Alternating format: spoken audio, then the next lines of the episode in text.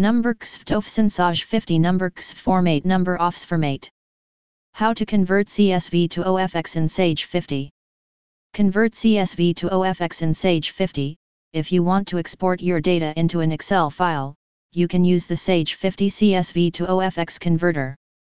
This tool is available as a free download from the Sage website.